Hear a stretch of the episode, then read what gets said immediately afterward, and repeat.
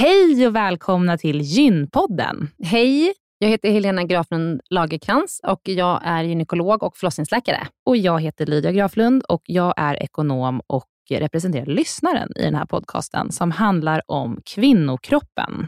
Det är vetenskaplig fakta om kvinnokroppen och det du hör i den här podden är det som man kan höra om man får träffa en läkare eller en barnmorska i ett eh, möte. Men ibland så bjuder vi in gäster som berättar om sina personliga erfarenheter och ibland är det också spekulation, men då är det verkligen tydligt att det är spekulation. Annars är grunden för den här podden vetenskaplig fakta om kvinnokroppen. Så är det. Hoppas att ni vill lyssna. Välkomna. Välkomna.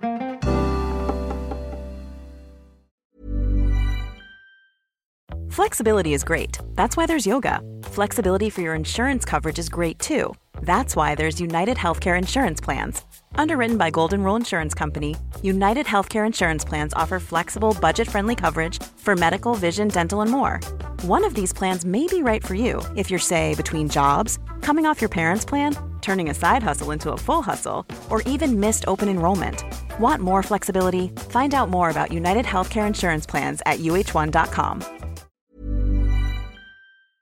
Det här poddavsnittet är sponsrat av SDCare. Det är vårt vårdbolag som vi har varit med och startat som arbetar med kvinnohälsa.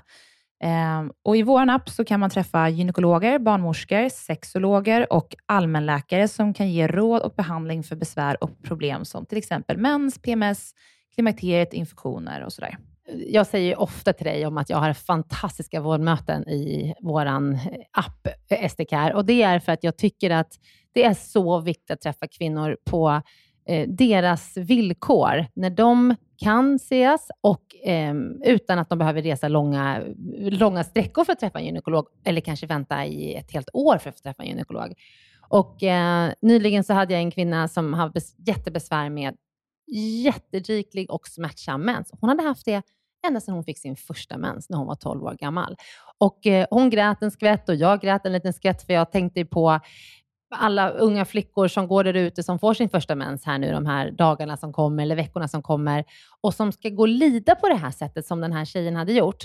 Och Det finns så mycket hjälp att få och den här hjälpen ska man få överallt, men man måste ju få träffa, när det väl kommer till behandling, så måste man ju få träffa någon som faktiskt vet vad är det för behandling som är effektiv. Man ska aldrig behöva höra att det är så här det är att vara kvinna. Mm.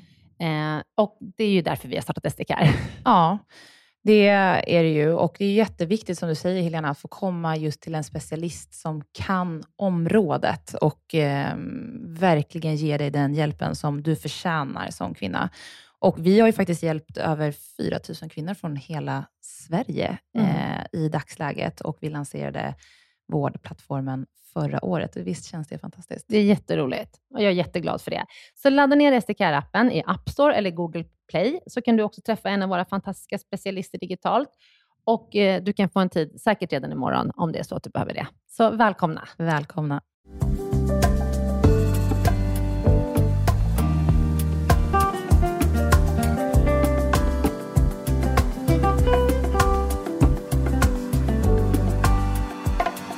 Välkomna till dagens avsnitt av Gympodden svarar med Helena Lagerkrans och Helena Koppkanner.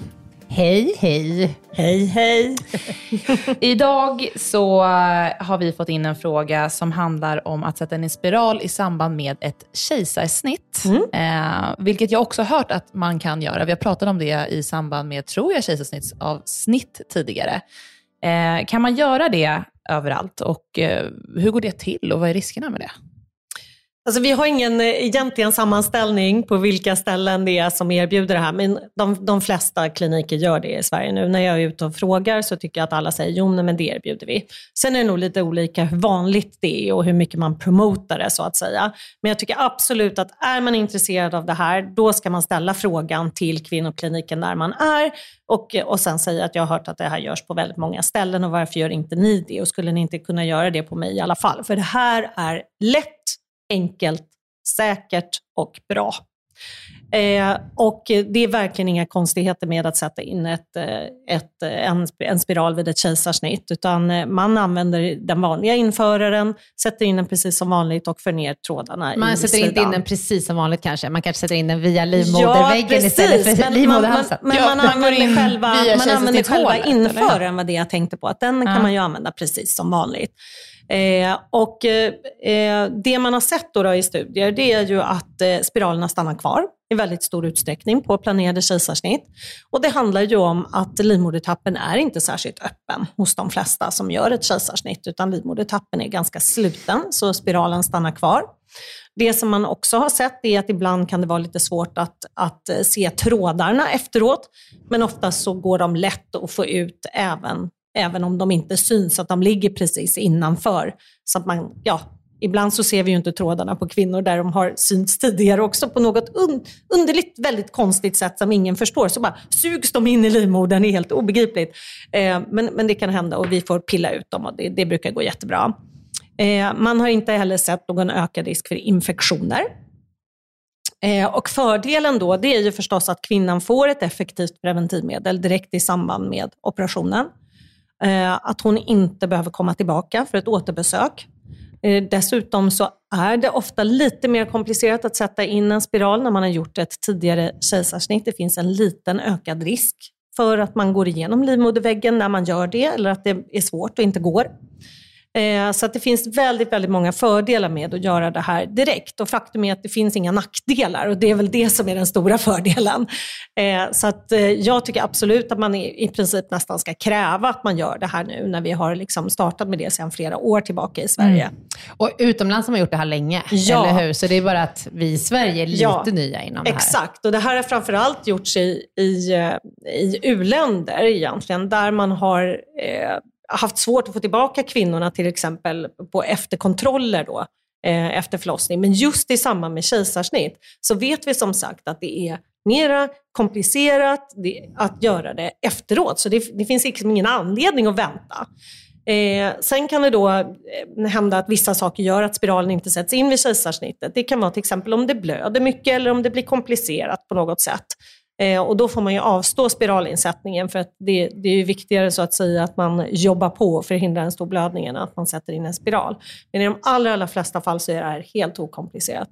Kan, kan vi backa bandet lite till själva liksom Mm. insättningen? För jag tycker att det här känns eh, väldigt Ja. spännande. Ja, Att ni liksom ja. går via ett annat Ja, organ det då. in- Ja, precis. ehm, För att sätta in den här spiralen. Ja. Så att när man öppnar livmodern då, plockar ut ja, bebisen, precis. då är det liksom ett hålrum där. Och så Ja, precis. Man... Det är ju en, en, en spricka kan man säga i livmodern. Då. Eh, och efter att, efter att barnet är ute så drar ju livmodern sig samman väldigt, väldigt snabbt. Alltså det är Ser nästan ni det? obegripligt säger bara poff, så säger är det den från att vara liksom, Ja, eh, från att vara liksom nästan 40 centimeter. Ja, så bara, till att oh. bli 15. Ja. Men, och ni ser det här i realtid? Ja. Ja, ja, ja, ja Det är absolut. absolut. Ja, ja, Mm. det, är, det är jättekult, eh, verkligen. Så det är fantastiskt ska man organ. vara alltså. dundersnabb då och peta ner den där spiralen? Nej, men? Nej, inte alls. tills den har dragit ihop sig. Mm, okej. Och sen i lugn och ro. Jag brukar faktiskt sätta första stygnet på hörnet. Ja, det kan man ju absolut Så göra. att man liksom så här, Mm. och sen har den dragit ihop sig och sen petar man in den här, sätter man av den här spiralen. Mm. Eh, Så att man ser till att liksom skänklarna på spiralen, det är som ett upp och nervänt ankare. Att Ja. de liksom, skänklarna kommer högt upp i livmodern Mm. och sen så använder man liksom lilla plastinföraren och för ner trådarna Tråden. ner i livmoderhalsen. Mm. Och sen syr man ihop livmodern. Ja.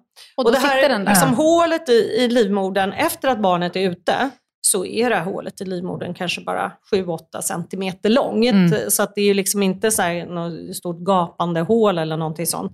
Och livmodern då, liksom sträckan från det här liksom eh, glipan eller sprickan eller vad man vill säga, upp till toppen på livmodern kanske är 15, max 20 centimeter.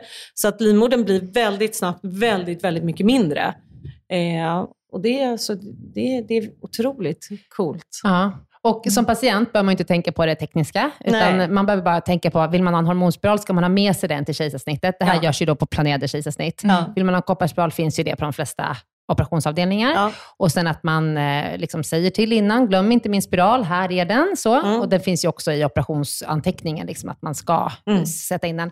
Mm. Och sen efteråt, Helena, då ska man efter ett par veckor ska man gå till barnmorskan. Ja, precis. Och det, vi- vi säger ju att man ska erbjuda ett återbesök inom en, en till två veckor då, för att eh, eh, det kan bli så att när livmodern drar ihop sig ännu mera, för det gör den ju Alltså det går jätte, jättesnabbt att dra ihop sig eh, för livmodern. Så att efter ungefär två veckor, då är den nästan tillbaka till normal storlek. Alltså, så snabbt går det. Eh, och då kan det bli så att trådarna blir väldigt långa. Eh, och det kan till och med vara så att de liksom sticker ut. Så att liksom, det blir som ett extra litet könshår där i mitten. Eh, och då, ja men det kan verkligen bli så. könshår. Ja, Ja. Nej, men och och eh, eh, då kan man ju råka dra ut spiralen själv liksom, och det är inte bra. Eh, och då har vi tänkt så att då kan man behöva frisera trådarna som vi säger, så klippa dem eh, så att de är normal längd och det ska ju vara 3 cm ungefär. Så då vill vi att man går till sin barnmorska och att hon tittar och eh, om hon ser trådarna och de är långa, då klipper hon dem. Ser hon trådarna och de ser normal längd ut, då gör hon ingenting. Ser hon inte trådarna alls, då gör man ingenting heller. Och är man då så eh, är man då nervös och tycker att ja, men jag har ju blött med klumpar och det har varit jättejobbigt och alltihopa, eh, då bör man göra ett ultraljud för att se att spiralen ligger kvar på plats. Eh, men det gör den Mm. nästan Ja. alltid. Och jag kan tänka bara att eh, ibland när man sätter in spiral så kan ju det göra ont Mm. och att man har lite kramp och så här Mm. efteråt. Ja. Eh, då tar man här, den här smärtan i samband med att man har genomgått ett kejsarsnitt helt enkelt. Det, det liksom... Alltså det blir ingen smärta, Nej. det blir ju smärtfritt. ja.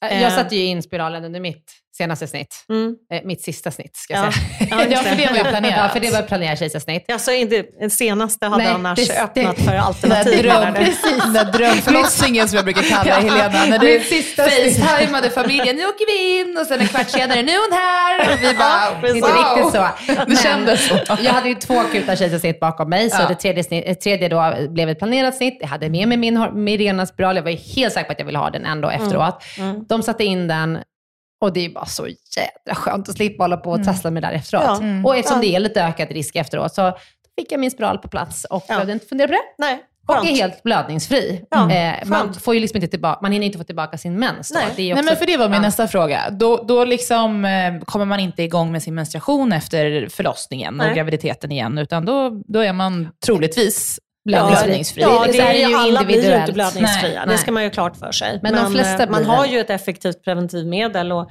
har man ett effektivt preventivmedel då behöver man ju inte ha koll på om mens kommer tillbaka eller inte. Nej. Nej. Nej, så eh, rekommenderas för dig som ändå vill ha en spiral och Ja, gör ett det tycker jag. kejsarsnitt. Tack Helena. Tack Helena. Nästa vecka Lydia, vad pratar vi om då? Då ska vi prata om postpartum depression Igen. från patientperspektivet. Ja. Då har vi ju eh, nu poddat med eh, läkare om postpartum depression och nu ska vi podda med en kvinna som har haft en postpartum depression och Mm. varit väldigt öppen med det. Så Sandra Beijer kommer och berättar sin historia om Mm. hur hon gick igenom det och hur hon återhämtade sig från det. Ja. Och, faktiskt väldigt eh, gripande. Mm, eh, hur hon gick där och grät eh, i flera månader och inte kände någon glädje. Men Mm. nu är hon glad kan vi avslöja. Ja. Det känns bra. Ja. Så lyssna nästa vecka. Tack så mycket. tack, tack. Hej.